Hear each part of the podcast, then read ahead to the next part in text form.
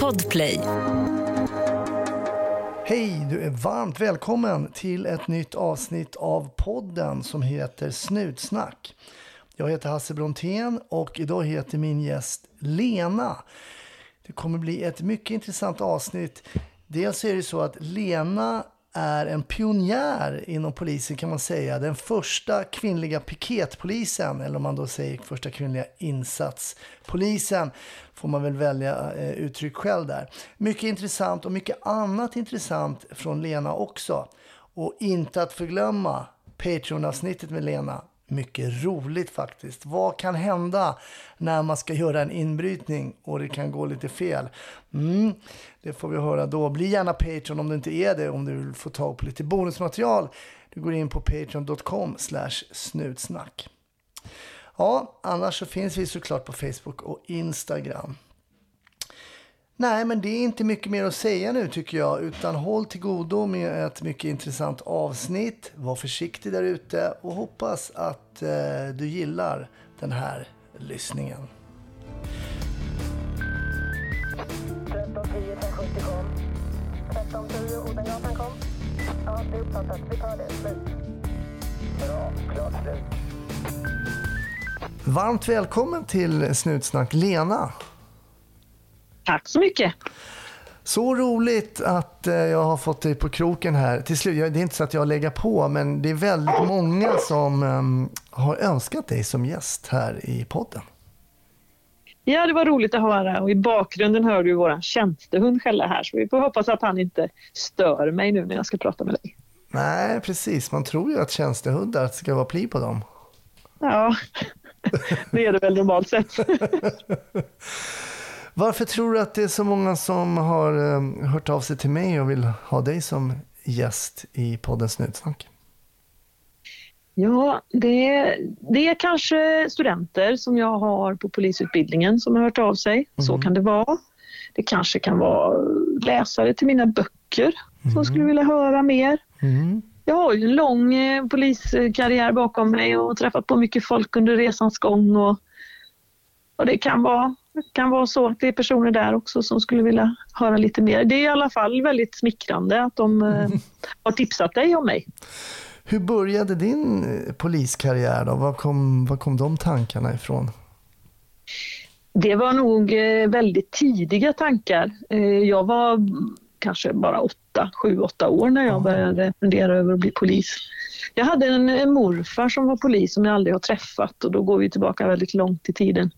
Och han, eh, jag fick höra mycket historier. Han var mordutredare och jobbade med ett antal kända uppmärksamma mord i Skåne som sen blev en serie som hette Skånska mord. Ja, just det. Det känner jag igen. Så Mm. att han var en sån här myt i, i, liksom i familjen som man, man hörde mycket om och när man var barn så påverkades jag en hel del av det. Mm. Så jag, jag tror jag var 8-9 år när jag liksom var helt klar över att jag ville bli polis. Men sen har, hade, jag, jag gick på naturvetenskapliga programmet, jag hade bra betyg, min pappa var läkare, min farfar var läkare. Och det var mycket krav hemifrån om att man skulle använda eh, sitt läshuvud till någonting vettigt och inte bli polis. Jag var inte precis uppmuntrad om man säger så hemifrån. Tvärtom. De ville ha en riktig akademisk utbildning. Ja, det ville de och det var, det var liksom ett underförstått krav ifrån min pappa, absolut. Och Mm. Polisyrket såg han inte som ett, ett yrke som var värt. Men han har faktiskt fått backa på den punkten och Det är så? ja, han har medgivit långt efteråt att eh, det var nog ett väldigt smart val. Vad kul. Ja, men det är väl så som förälder har man en bild av vad som vore bäst liksom kanske för, för sina barn. Ja. Men det är inte alltid Det- som pappa och mamma vet bäst kanske. Nej, man behöver gå sin egen väg i livet och staka ut den och, och det har nog varit vä- väldigt viktigt och tydligt för mig att jag, jag har haft liksom en plan Mm. och den har jag följt och i den ingick polisyrket. Jag började rätt tidigt som ordningsvakt. Jag fick sån här dispens på den tiden att jobba som ordningsvakt. Mhm. Jag var inte 20 ens. Okej. Och, och då, det var ju också då för att ja, underlätta och ta sig in på polisutbildningen. På den tiden var ju inte det någon nackdel att ha jobbat som ordningsvakt innan. Nej. Hur Sen var... jobbade jag som arrestvakt också. Jaha, du körde alla vaktjobb innan. Ja, jag var en sån här riktig hålla reda på folk. Eh, Fast eh, ja, men jag, jag tyckte det var spännande och roligt att jobba i, i krogmiljöer och sådär. Och som tjej ganska, ganska ensam om det på den tiden. Just det. Hur var det då? Och den här ordningsvaktstiden då? Jag kan tänka mig att man ändå lär sig lite grann om det stod i dörren och att liksom Ja, hantera det var, folk. Det var 80-tal får vi väl säga då till lyssnarna som förstår hur gammal jag är då. Men eh, jag jobbade både i, eh, först här i, där, runt Ulricehamn och Borås där jag bodde, men sen hamnade jag nere i Göteborg och jobbade på, på flera av de krogarna på, på Avenyn och Kungsportsplatsen och, och Liseberg, två säsonger som ordningsvakt. Och det var, det var ju jättekul. Absolut. Men tufft många gånger och eh, ja, dubbla roller ha- hade man ju som ordningsvakt. Alltså man skulle ju stå där som någon slags polisiär företrädare och göra polisiärt jobb men man skulle också göra det som restaurangägaren ville, sålla i dörren och allt vad det innebär som fortfarande är likadant. Just det. Och, och sen kom du in på polisskolan då? Ja, på den här tiden på detta var 87 blev jag antagen. Då, var, då hade man dragit ner kraftigt på svensk polis och antagningarna. Så att det stod, eh, man sökte från en region och, Göteborg och, och Bohuslän fick inga platser under två års tid. Så att jag fick liksom vänta in eh, att det skulle komma platser. Och under den tiden så hann jag till och med eh, gå ett och ett halvt år på Chalmers och läsa på arkitektlinjen där. Oj. Så jag var ju inne på en annan väg men jag var också den första och förmodligen enda arkitektstudenten som hoppade av för att börja på polisutbildningen. Det talar de om för mig med förakt. Ja. Pappa var nöjd också ett och ett halvt år då. Ja, pappa var nöjd men det, han visste ju inte att det enda jag gjorde på arkitektlinjen var ju att engagera mig i de här A-puben och driva eh, bara festverksamheten där. Men, eh, så polisyrket var ju som, jag stod i vänt på att få en av, och då var vi tre stycken från, från Göteborg och Bohuslän som kom in det, den, vid den antagningen. Då, så det var bara 70 poliser på polisutbildningen. Vilket år var det? 87. Va, Okej, det var 87 alltså. Ja. Ja. För, för jag gick ju 88 och då var vi ganska stor kull, kommer jag ihåg. Det var ganska många klasser. Precis, sen växlade de ju upp igen då efter att ha legat väldigt lågt. Men när vi gick polisskolan uppe på Sörentorp då, då var vi liksom tre klasser i an- grupp då. Som, eh, så skolan var väldigt öde. Och, Ja, jag kan tänka mig att det var öde, Ja. lite öde där då. Ja. Jaha, okej, men vad, då hade du verkligen, verkligen i bakhuvudet sen så tidig ålder som åtta år. Det, det är ju väldigt, väldigt tidigt. Det ska bli spännande att höra sen hur det här yrket har stått upp mot dina förväntningar. Men vad blev det sen då? Du, blev, du gick utbildningen färdig och, och jobbade då som ordningspolis eller som en ingripande polis som man kallar det idag då antar jag? Ja, eh, jag träffade min man på polisutbildningen som så många fortfarande gör. Eh, Det blir relationer som uppstår där. Och han var från Malmö och jag från Göteborg. Vi spelade handboll på, på hög nivå båda två. Det förenade oss liksom att vi pendlade till våra matcher. Och, och sen så småningom så skulle man ju bestämma var vi skulle vara någonstans då och då blev det ju Skåne. Så det, jag fick bryta upp från Göteborg och, och flytta till Malmö. Och där blev jag kvar sen i 17 år. Just det, så kan det gå. Ja, och det var väl jättekul i och för sig, men jag hade ju kämpat för att få komma just till Göteborg. Så det var ju många som undrade. Jag hade ju stått över flera antagningar och tackat nej till andra platser från andra delar av landet. Och sen det första jag gör är att byta platsen till. Men så, eh, det var skönt att det gick att lösa, för vi är ju fortfarande gifta, så det var ju uppenbarligen ett, ett bra val. Ja, men vi- så får vi nog tolka det tycker jag. Ja, men hade ja men då du... hade Ja, förlåt. nere i som, som IGV på den tiden, eh, ordningsövervakning och ordnings och radiobiltjänst som det hette då så fint. Och, eh, och det var ju en, en fantastiskt eh, kul tid måste jag säga. Mm. Hur var det att komma in då? Ung tjej, komma in i ett nytt yrke med kanske mer erfarna, mest snubbar. Alltså, vi var ju inte så många tjejer på den här tiden ska man ju komma ihåg heller. Nej, Men det var, ju som, he- det var ju helt accepterat att vara kvinna och vara polis. Jag har ju liksom aldrig mött på den tiden eh, något motstånd i, utifrån mitt kön. Och jag får ofta den frågan, men hur har det varit vara tjej inom polisyrket som är så mansdominerat. Och för det första så har jag ju ingen annan erfarenhet för jag har ju bara varit tjej. Mm. Så jag kan inte referera till hur det skulle vara att vara kille men Nej. väl, väldigt få gånger jag har känt att jag har eh, blivit nedvärderad eller underskattad. Eh, kanske lite här praktiska saker som på den tiden med föräldraledigheter och möjligheten att vikariera som, som gruppchef. Det gick inte om man inte jobbade 100 procent hade man bestämt. Så tjejerna kunde ju då inte jobba som gruppchefer om de jobbade 70 procent.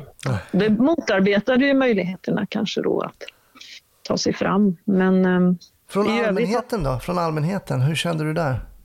Nej, alltså, inga problem. Då hade jag ändå jobbat som vakt Mm. och i uniform och var väldigt, ganska bekväm i den rollen. Kände väl inte på något sätt att, att jag inte fick den respekt. Alltså, polisen på den tiden fick kanske mer respekt också i samband med att vi kom till olika ärenden än vad man får idag. Det är ju inte automatiskt så att man blir bemött med någon speciell respekt idag, tvärtom.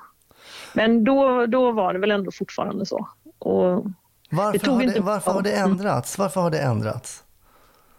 Nej, men hela samhällets eh, syn på auktoriteter har ju förändrats. Och sen, Det finns ju många, många bidragande faktorer i det här eh, som, som man måste fundera över. Och en av faktorerna tror jag är att polisen var betydligt mer eh, våldsam på den tiden och det var, det var inte mycket man kunde sätta upp emot en patrull. Man fick liksom aldrig rätt. Nej. Och det visste folk så att eh, det fanns en större, tror jag i alla fall, eh, rädsla för polisen helt enkelt. Mm.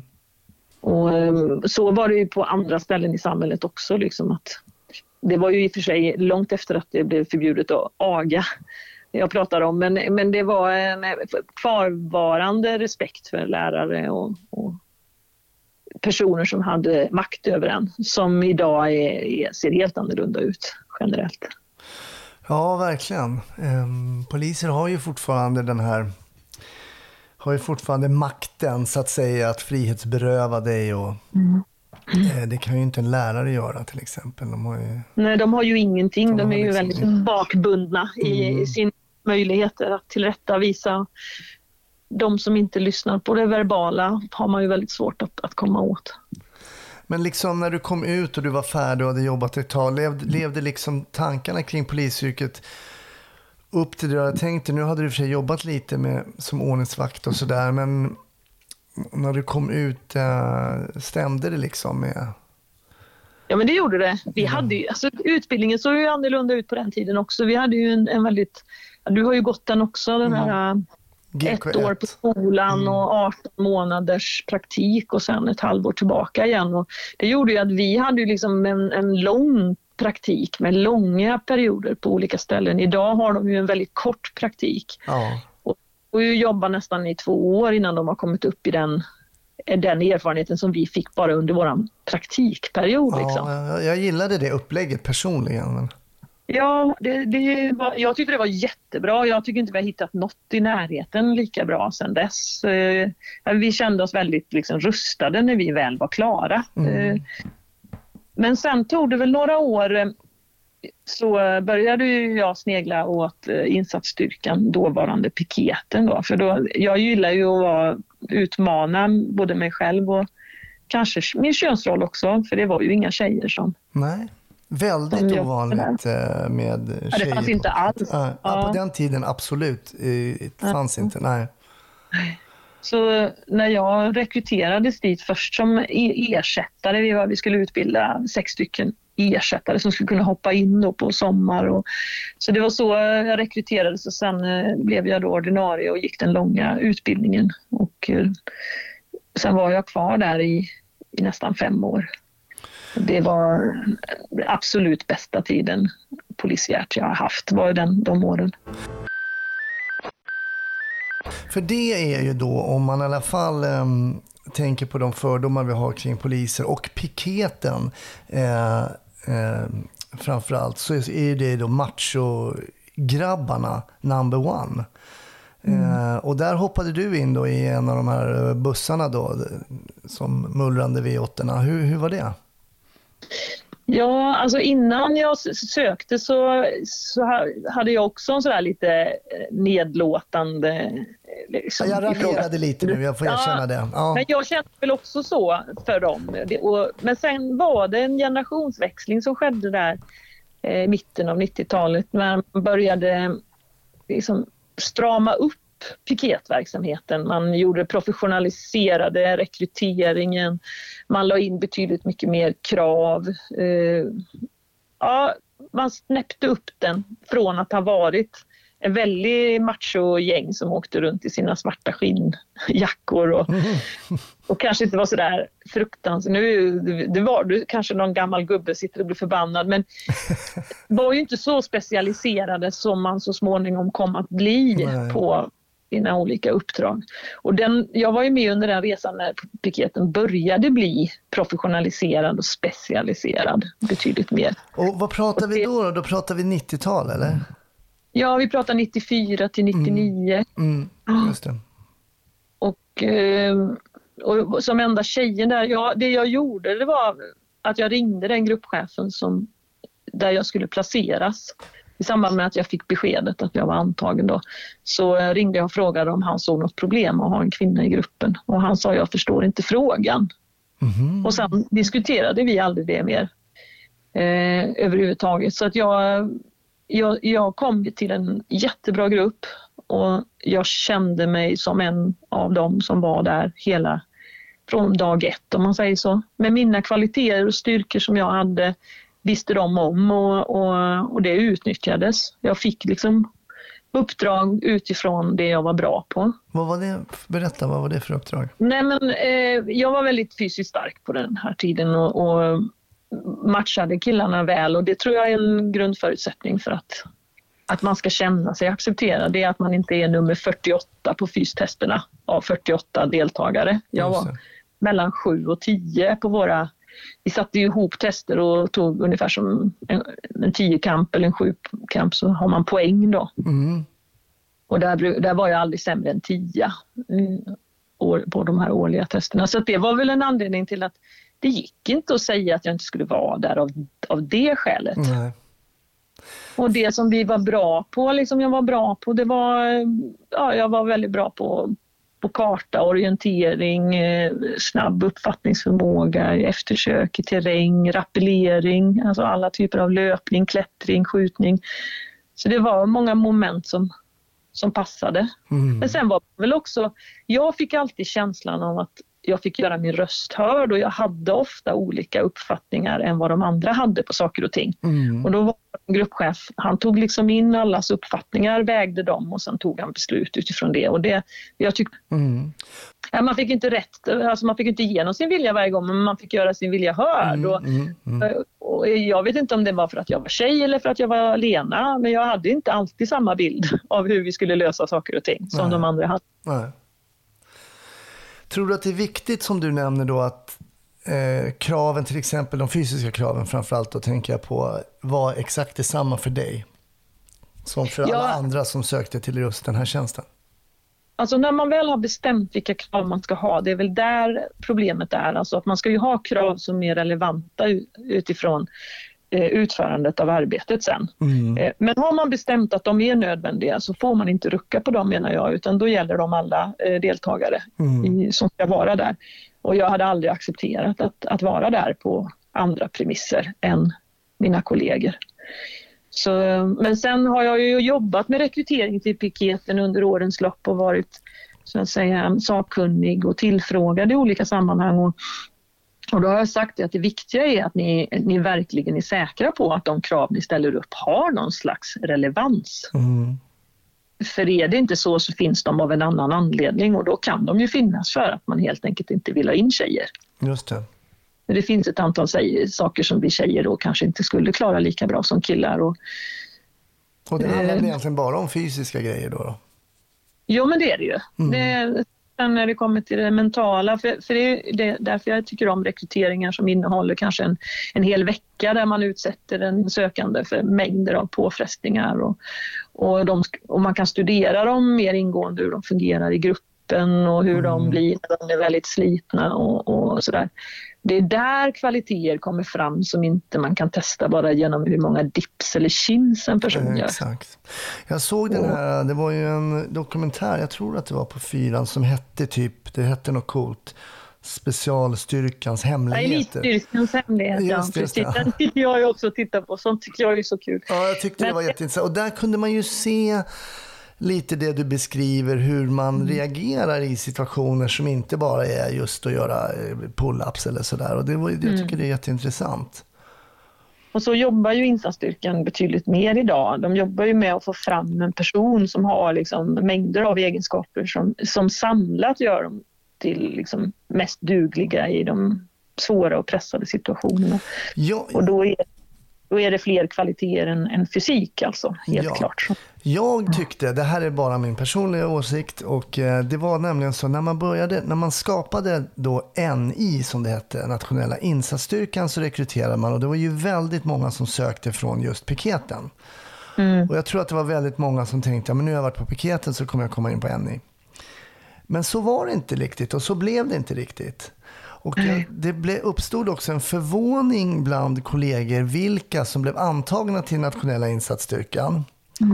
Eh, som gjorde att piketen rankades ner. Det var lite intressant. Det var ingenting som... Det blev så, i alla fall i Stockholm skulle jag säga, och det här, är- jag säger det bara min högst personliga uppfattning eftersom jag var i det här just då. Att det var en... Det är ganska breda penslar som jag försöker beskriva det här med nu för att det, det finns må, många fler parametrar säkert.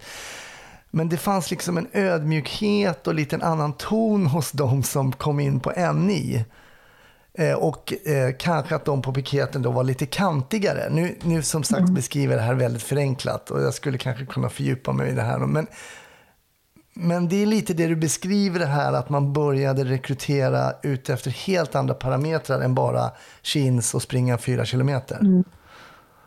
Ja, det är en utveckling som har skett på piketen eh, och eh, numera då de insatsstyrkor vi har runt om i landet. Det är att man söker efter någon, någonting annat än det man hade haft i början av 90-talet vill jag säga. För då var det bara det var liksom muskler och fysik det handlade om. Så att alla var stöpta lite i samma form och ganska svartvita personligheter också skulle jag vilja säga. Eh, Men sen kom ju det här att man hade mycket mer en, en annan profil och det var ju efter insatsstyrkan. Du har ju helt rätt. Alltså det var ju nationella insatsstyrkans rekryteringsprofiler eh, profiler som, som de olika piketerna Malmö, Göteborg och Stockholm började titta på.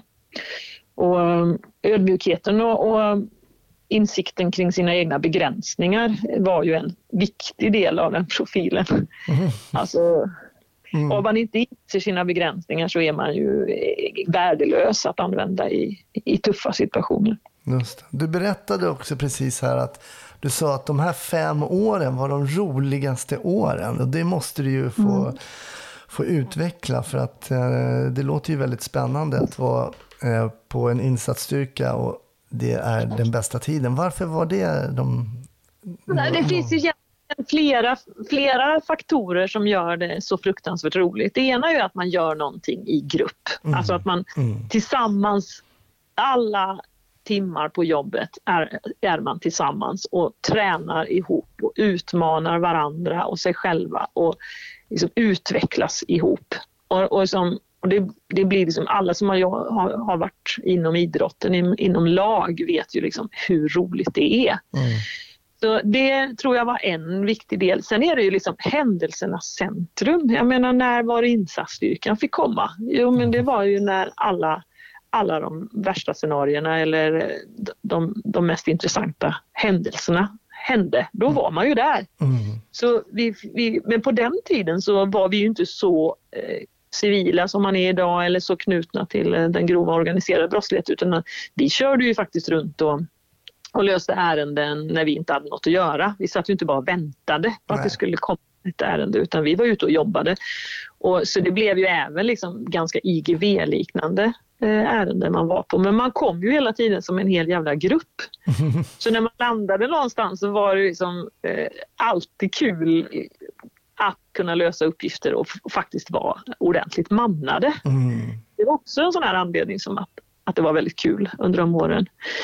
Men, eh, nej men jag, jag tyckte väl att de första två åren var, var tuffa för att man skulle bli tillräckligt duktig för att inte hela tiden vara rädd för att misslyckas. Eh, och det var jag ju ännu mer rädd för kanske för att jag var den enda tjejen i Sverige och, och att jag hade alla ögon på mig och alla liksom bara gick och väntade på att man skulle visa att man inte dög till. Liksom. Det. Men, det, men det var mycket inre processer i mig själv. Okej. Sagt. Mm, det Men var inte så att det var... den pressen på dig själv då efter de två åren menar du? Ja, eller? ja, det gjorde det. Det tog ungefär två år innan jag behövde ligga på framkant i alla situationer och, ge, och liksom genomskåda alla övningar för att inte göra fel. Och så plötsligt började jag känna, ja men herregud, de andra gör ju misstag hela tiden. Vad är det som gör att inte jag också kan? Vi övar ju. Ja, Liksom. just det, just det. Vi, vi tränar och, och, när det, och sen börjar man ju bli duktig på vissa saker och så börjar man användas till mer och mer få sina speciella roller i gruppen och det, är ju, det har ju insatsstyrkan blivit ännu duktigare på idag att man, man har olika specialfunktioner på olika gruppmedlemmar och där får man ju utvecklas och det är riktigt bra. Så nej, men det var den absolut roligaste tiden och jag har bra kontakt med, med de gamla kollegorna Det därifrån var än idag. faktiskt precis den följdfrågan jag satt med. Ja. Hur pass... Nej, men det blir ju vänskap för livet. eh, Mm. Det blir det verkligen. Och sen höll jag ju på väldigt mycket med någonting som är drakbåtspaddling på den tiden. Okej. Eh, och vi var ju ett svenskt landslag i Malmö kanotklubb och då hade jag ju minst en av mina piketkollegor var ju också min närmaste i båten där liksom när vi var ute i Ah. världen. Så att, eh, nej, det var väldigt, väldigt roliga år när man var i sin livsform. Sen tävlade vi också tillsammans i de här Toughest Cup live. World- Police Games och sånt. World Så, Police and Fire Games gick ju i Stockholm. ja, precis. Mm. Där, där var vi. Där var jag också med. Det var du. Jag ja. spelade faktiskt i vårt eh, basketlag, svenska liksom, eh, basketlaget där. Okej, det ja det var ju Riktigt häftigt. ja, det var riktigt häftigt. Jag var med där både i styrkelyft och i det här Toughest Cup Live där vi tog guldmedalj jag och min eh, piketkompis Rickard. Så det var en fantastisk upplevelse att få vara med på det. Det var ju liksom olympiadkänsla nästan uppe i Ja, det Stockholm. var jättekul. Vi, vi ledde i halvtid över LAPDs basketlag. Wow, ja, det är inte Eh, dåligt. Men jag sen eh, hände ju följande då att våra bästa spelare blev ju trötta och utfavlade. Då fick jag och några till hoppa in så vi förlorade till slut. För det var, vi hade så blandat. Jag har ju spelat högst i division 2 och vi hade Ja. ju några gamla elit och landslagsspelare också med. Så det var väldigt blandat liksom eh, i laget. Så. Men äh, det, var, det var kul, det var en liten passus bara. Men... Ja, nej men det finns väl fortfarande förmodar jag World Police and Fire Games så då får man väl göra lite reklam för sådana idrottstävlingar nu när, man, när vi pratar. För det, Ja. det är verkligen eh, skitkul eh, sätt att, att träffa kollegor från hela världen. Nej, men Mäta sina krafter. Jag Mm. tror också det som du säger just om man har bakgrund i idrott och i lagidrott, eh, vilket jag också har då i basketen, så det sätter så mycket det här med att jobba i grupp och just hur roligt det är och så. Så det är någonting jag kan sakna som nu är då egenföretagare och ganska mycket själv i mitt jobb. Och det jag saknar mest är nog faktiskt det här grupp, jobba i grupp. Jag tycker det är kul och det kan jag sakna. Ja, och sen efter man lämnade där så småningom och så blev jag ju chef på olika nivåer och har Mm. varit chef 15 år inom polisen, lite mer. Och det har ju varit, då är det ju ett helt ensamt uppdrag. Mm. Alltså, och kommer man då från den här lagkänslan där man liksom stöttar varandra och eh, bryter frågor med varandra så, så kan det bli en, det är en stor kontrast som Mm. jag faktiskt egentligen aldrig riktigt har trivts med. Nej.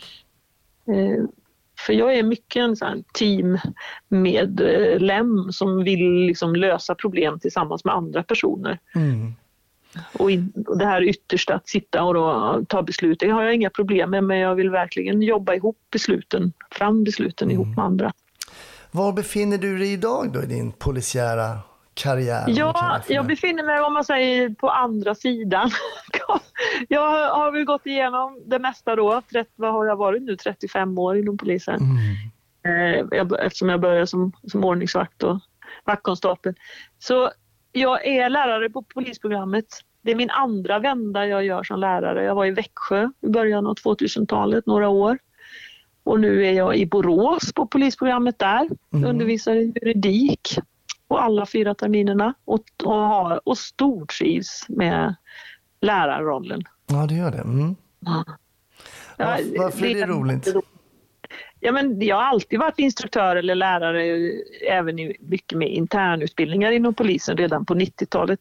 Jag läste en jurist, eh, juristexamen, det kanske man ska lägga till här vid sidan om jobbet, som tog något år längre än vad det gjorde för mina klasskamrater i Lund. Men jag läste in eh, jurkand Mm. och sen användes jag väldigt mycket som instruktör och, och utbildare på olika utbildningar just i operativ juridik.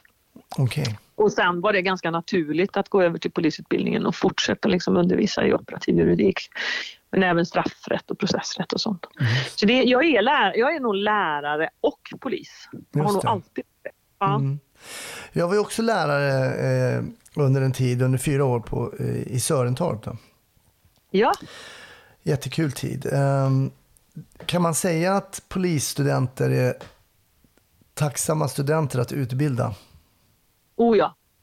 Alltså det, det, det är det mest välmotiverade fortfarande, även om jag nog tror att man inte har en lika stark drivkraft generellt som man hade för 20 år sedan att bli polis. Utan dagens unga människor eh, hoppar på saker eh, som de tror kan vara roliga men är inte kanske lika uthålliga alla gånger eh, till att, att gå hela vägen. Men eh, det är fortfarande jämfört med andra studenter eh, så är nog polisstudenterna ändå de som vet mest vad de vill. Mm.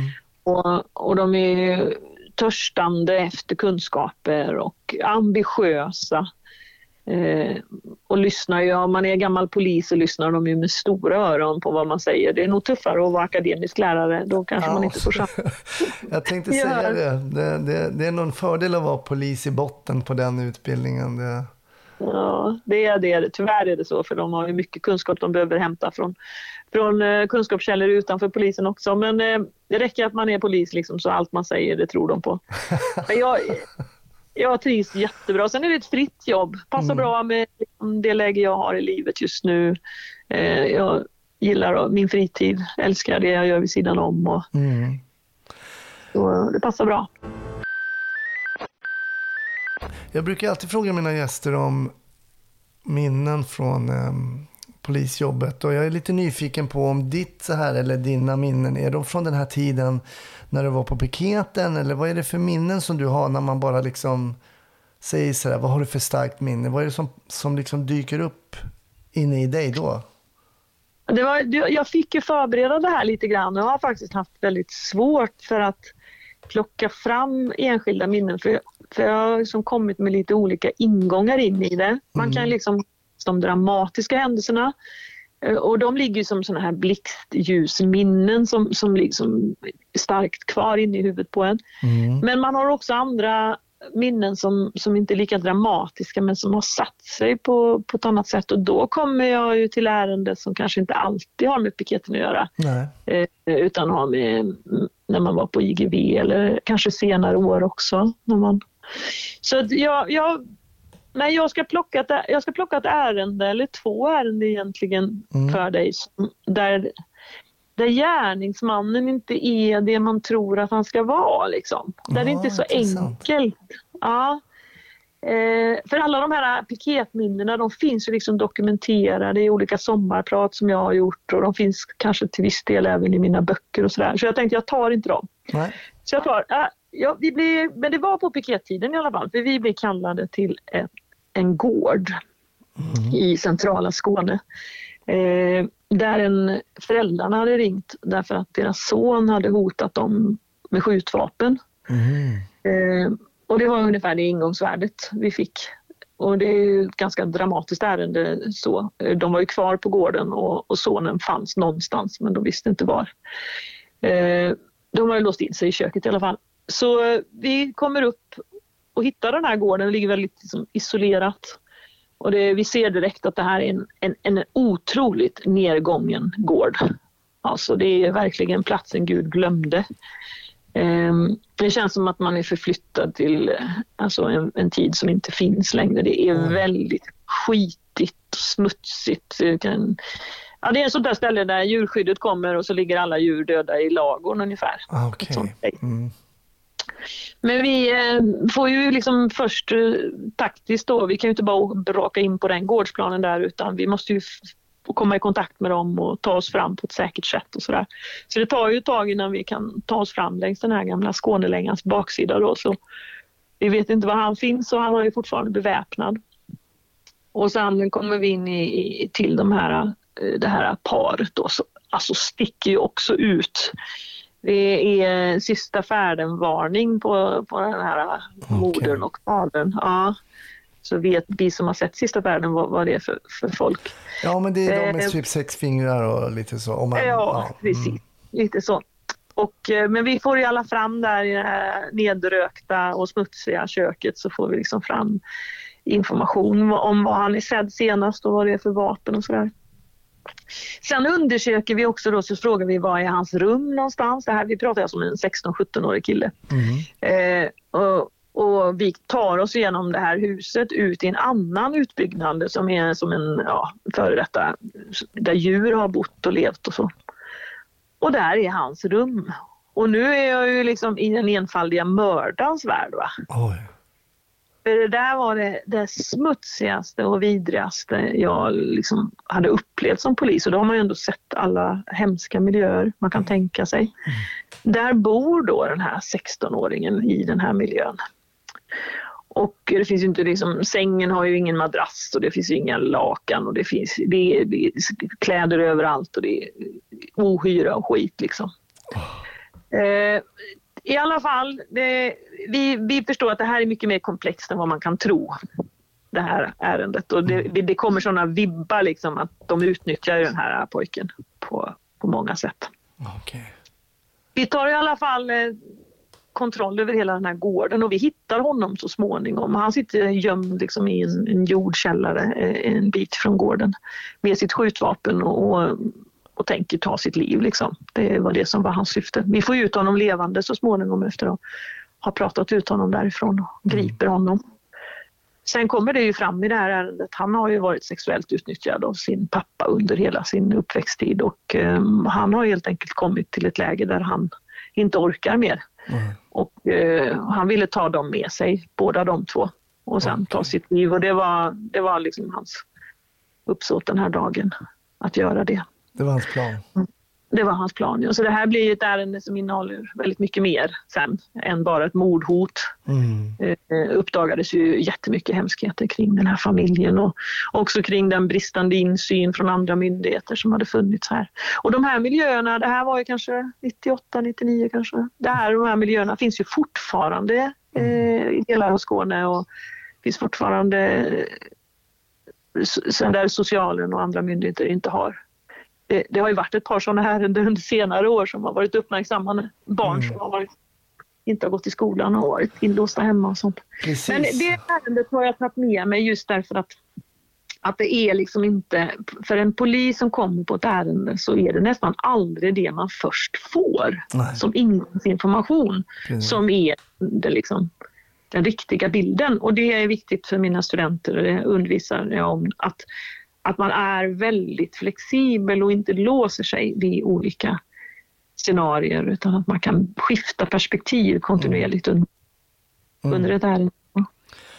Och eh, ja, jag har nämnt det här förut och det nämns ju i, i podden väldigt mycket just när man får de här historierna från, från poliser att liksom psykisk ohälsa eh, ofta man åker på som ju egentligen inte är ett... Det är klart att det är ett polisiärt ärende om det är vapen inblandade och man hotar och så men i övrigt är ju psykisk ohälsa inte polisiärt så att Nej. säga. Men väldigt många ärenden där poliser kommer till plats handlar och i grund och botten om en en psykisk ohälsa. Mm, precis. Det är ju människor i kaos eller konflikt som vi kommer i kontakt med. Ja. I kri- kris, kaos, konflikt, de tre kånarna. Mm. Eh, Det, bru- det brukar jag säga att vi, vi, vi är ju, behöver ju inte vara eh, på komma i kontakt med människor som är i balans och har det bra och som inte, som, som inte har några problem. Nej. Utan det, Nej. och där i kris så är det ju väldigt ofta då just som du säger psykisk ohälsa som är det utlösande som sen snurrar på. Men som du säger att de här gårdarna, det finns för fler sådana gårdar kan jag tänka mig med liknande exempel. Men jag läste ju då den här boken av Diamant Salihu som heter Tills alla dör som handlar om de här killarna som skjuter ihjäl varandra runt Rinkeby och Järvaområdet.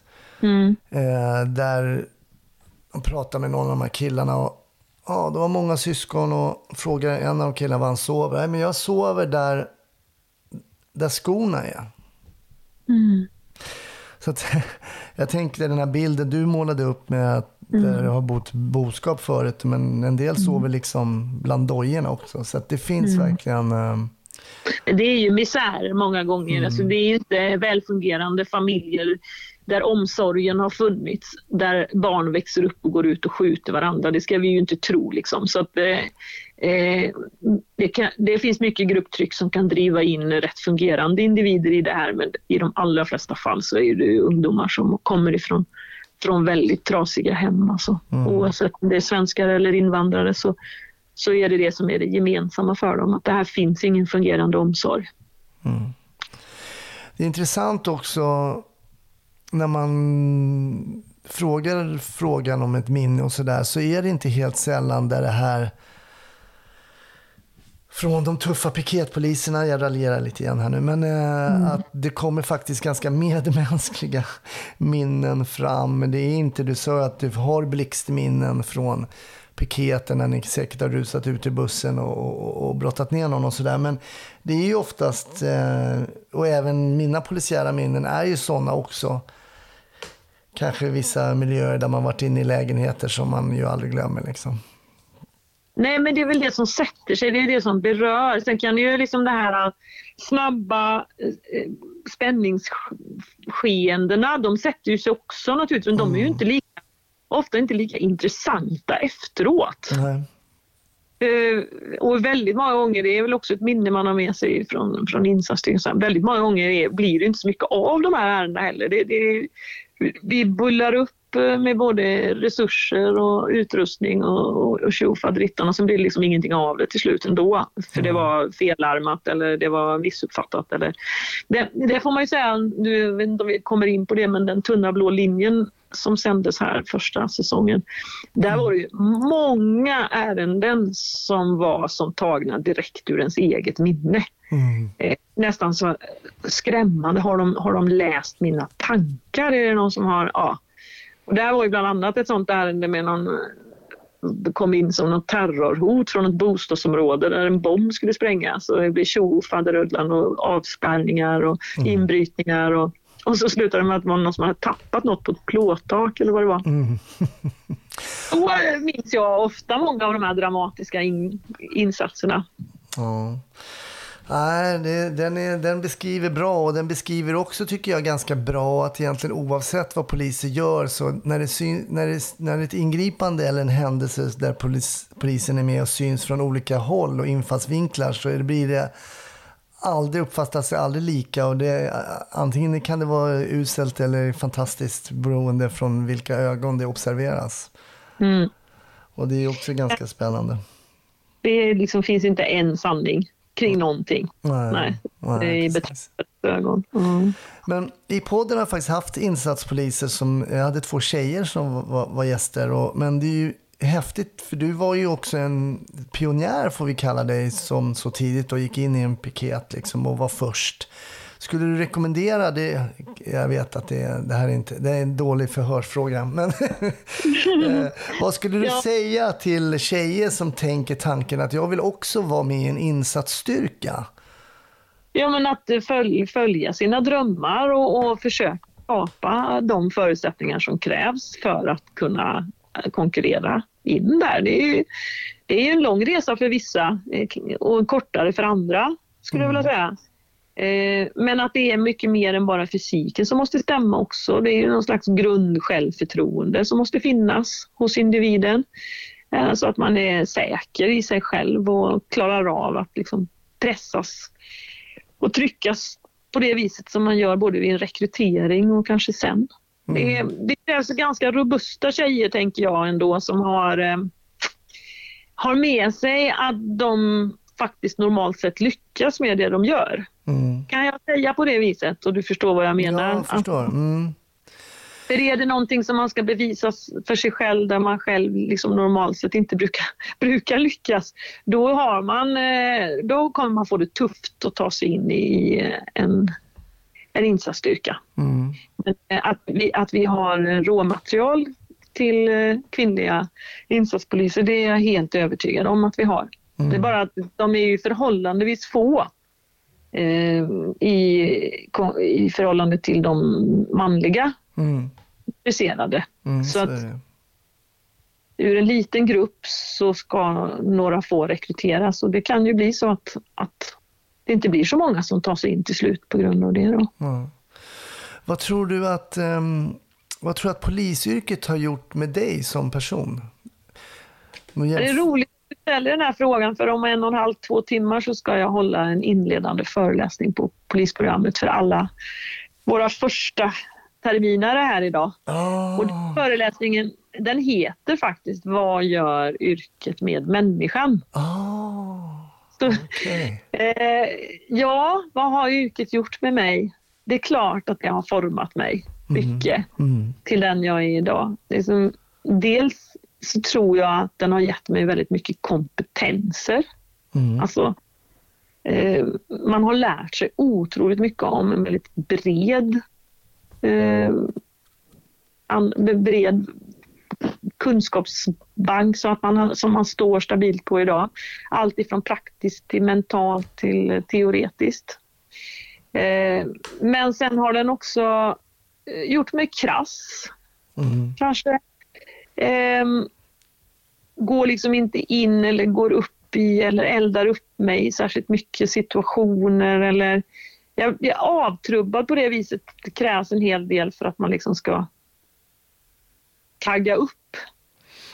Har du känt ibland någon, något stänk av cynism liksom? Eh, när man ändå trots allt, du berättar ju att vi åker ju, eller vi säger inte, jobbar inte som polis, men poliser åker ju sällan när folk säger hej vi mår bra, vi har jättekul, kan ni komma hit? Det händer ju aldrig.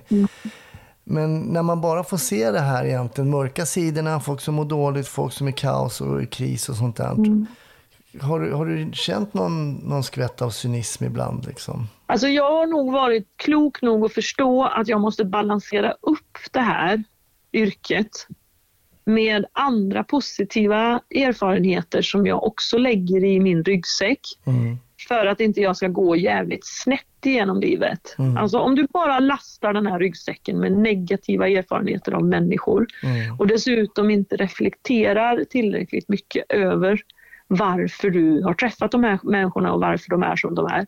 Då kommer du gå väldigt, väldigt tungt åt den ena sidan. Mm. Och då tror jag du blir cynisk. Mm. Absolut cynisk och kanske till och med ja, rasist eller alltså du, du kan utveckla mängder av taskiga värderingar. Mm. Så det jag har gjort hela tiden och det är kanske det, det jag vill att man tänker på när man rekryterar personer till polisyrket, det är att man tar in tillräckligt intelligenta människor för att de ska jobba med de här bitarna och reflektera, fundera och skaffa sig andra erfarenheter Mm. för att de ska orka vara bra poliser 20-30 år senare. För är du en väldigt fyrkantig personlighetstyp, Mm. inte särskilt reflekterande, väldigt kategorisk och vill eh, liksom dela in både människor och händelser i, i olika fack, då kommer du inte må bra Nej. som polis. Jag har nämnt... Jag har ju, jag har ju jobbat med, med unga, unga killar, ur liksom invandrarkillar ända sedan i början av 2000-talet när jag blev mentor på Bernadotte-gymnasiet. Mm. Jag har alltid haft bra input av de bra personerna. Jag har jobbat med flyktingar, jag har jobbat med ensamkommande, jag har massvis av bra erfarenheter av bra personer. Så att jag väger upp de dåliga mötena med en jäkla massa bra möten och det är mitt tips till poliser att liksom jobba med dukt i skolan, var jobb, gå in och hjälp till i idrottsföreningar, försök liksom jobba med, med alla de goda människorna. Mm. För de här dåliga människorna som vi träffar som bemöter oss som skit, de är ju inte representativa men eftersom det, om vi bara träffar dem så tror vi ju att de är representativa. Just det. Mm. Det skulle jag säga är ett bra råd. Att väga upp. För det, Mm. det, det bitvis så har man riktigt otur. Det handlar ju om att åka på jobb och man sorteras ju. De på radion vet inte alltid kanske exakt vad du har varit på tidigare för jobb och ibland får du åka bara på mörker. Och det är klart att man behöver egentligen inte vara någon expert på psykologi för att förstå att många av de här sakerna som vi packar ner med död och psykisk ohälsa och avlidna och olyckor, det, det, det förstår man att det påverkar. Mm. Mm. Det är klart. Men jag är lite nyfiken också på vad som ska hända i framtiden då. För om man har varit i yrket så pass länge här nu så det är ju kortare kvar än vad du har gjort. Ja, det får jag verkligen hoppas. Du skulle inte palla men- 35 till menar du? Nej, alltså jag får se vad framtiden innehåller för det handlar lite grann om mina möjligheter att vara kvar eh, som lärare på polisprogrammet. Jag är ju anställd på högskolan som adjunkt. Mm. Så nu, just nu har jag, har jag ju dubbla anställningar och det är väl liksom hur vi praktiskt kan lösa det framöver. Men jag känner nog att jag är där jag vill vara resten av min karriär. Ja, okej, vad skönt. Så känner jag. Jag har ingen lust att komma tillbaka till något chefskap inom polisen. Jag är operativt ganska klar, känner jag. Mm. Eh, Allt, allt tar sin tid liksom. Mm. Och, eh, och det här med att vara lärare, är, det finns alldeles för många fördelar. Vi behöver inte ens nämna eh, att arbetstiderna är ju naturligtvis väldigt sköna om man spelar golf som jag gör. Så man har ju en, eh, en sommar som är väldigt, man är väldigt ledig på. Nej, det finns alldeles för mycket fördelar nu och nu har jag gjort så mycket inom svensk polis och varit på så många olika ställen i landet och jobbat i olika regioner och på olika uppdrag så jag känner mig ganska färdig. Mm. Skönt. Kanske en skön känsla. Ja, Det är det. det. ja. Och golfen kan jag inte säga emot. Det är ju fantastiskt eh, trevligt. Men vad spännande. Jag vet ju, och du nämnde ju också själv här att du faktiskt eh, sitter och förbereder det här lilla talet som de ska få höra. Hur mycket ska förändra de här, eller lite, eller eh, vi får väl se vad, vad de säger. Och ni som är studenter och lyssnar på det här, ni kanske redan har lyssnat på Lena eh, när ni hör det här. Men eh, jag ska tacka dig så jättemycket, men innan eh, du lämnar så tänkte jag höra hur det är det här med att kolla på polisfilm. ja, Du nämnde ju Tunnabrolinjen här. Ja, det är väl den enda svenska serie jag har kunnat se om polisen som jag har verkligen känt igen mig och tyckt att det har varit bra. Sen fanns det ju delar av Tunna blå linjen som blir lite ja, klichéartat men påfallande stor del av den serien. Otroligt välgjord, otroligt autentisk och stor igenkänning och bra skådisar. Eh, I övrigt när det gäller svenska polisserier så det finns en liten rolig historia om du har tid. Jag var, Absolut. När jag var för, jag var ju författare. Jag får säga var författare för jag skriver ju ingenting nu. Men jag, skri, jag har skrivit fyra polisromaner och då var jag ute och föreläste i Västervik en gång på en bokhandel där om mina, mitt, skrivande. Och då skulle det vara en annan, eh, ett annat par där, författarpar som jag inte hade hört talas om. Och eh, jag träffade dem i ett litet fikarum bakom bokhandelslokalen där innan. Och då skulle vi göra upp vem som skulle börja och så. Lite mellan varandra. Och då, eh, de hette Silla och Rolf hette de. Ja, och jag hade inte hört talas om dem. Och eh, då så säger jag att jag kan börja. Jag är liksom det är inga problem, jag, jag kan börja. Men det, det kan, kan vi också göra, vi är ganska vana. Ja, trevligt säger jag, men eh, ja, kör ni först då så kan jag komma efter er.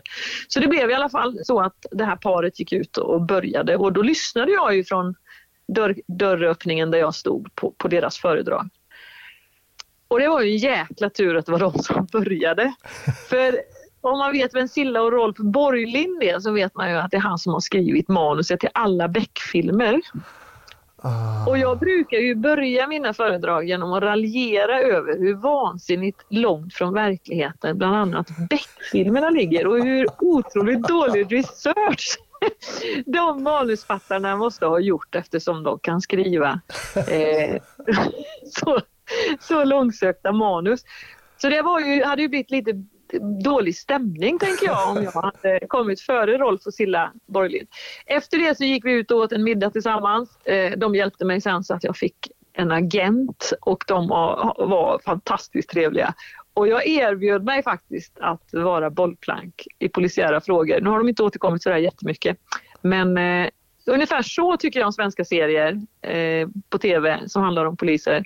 Att, eh, att fasiken hörde de inte av sig till en polis först. In- Ja, vad roligt. Nej, ibland kan det vara så här små detaljer, bara hur man har mössan liksom. Alltså, Ja, som kan irritera en. Men eh, det är klassiskt. När man, det är klart, när man är inne i yrket så ser man de där små detaljerna såklart.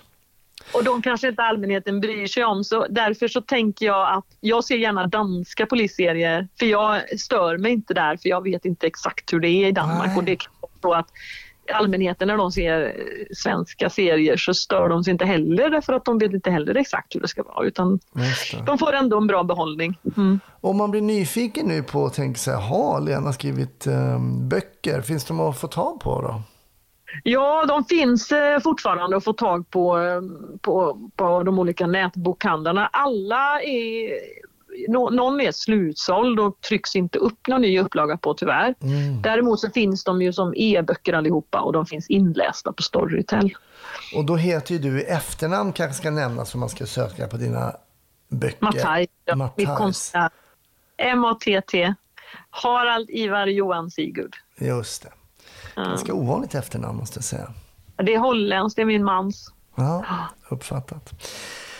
Ja, men stort tack. Eh, tiden går ju fort här när man, eh, när man pratar om intressanta polisiära saker. Men du ska vara med i ett Patreon-avsnitt också, så ni lyssnare som är ännu mer nyfikna på Lena, eh, glöm inte att lyssna. Och är du Patreon, eller är du inte Patreon ska jag säga, så blir du det på patreon.com snutsnack. Men nu lyfter jag inte på polismössan utan på min imaginära hatt här för att eh, du var med i Snutsnack, Lena. Tack.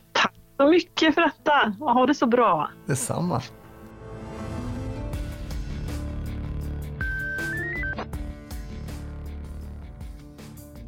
Tack så jättemycket. Snutsnack är slut för den här veckan, men givetvis är vi tillbaka nästa vecka med ett alldeles färskt rykande avsnitt. Jag hoppas att vi hörs även då.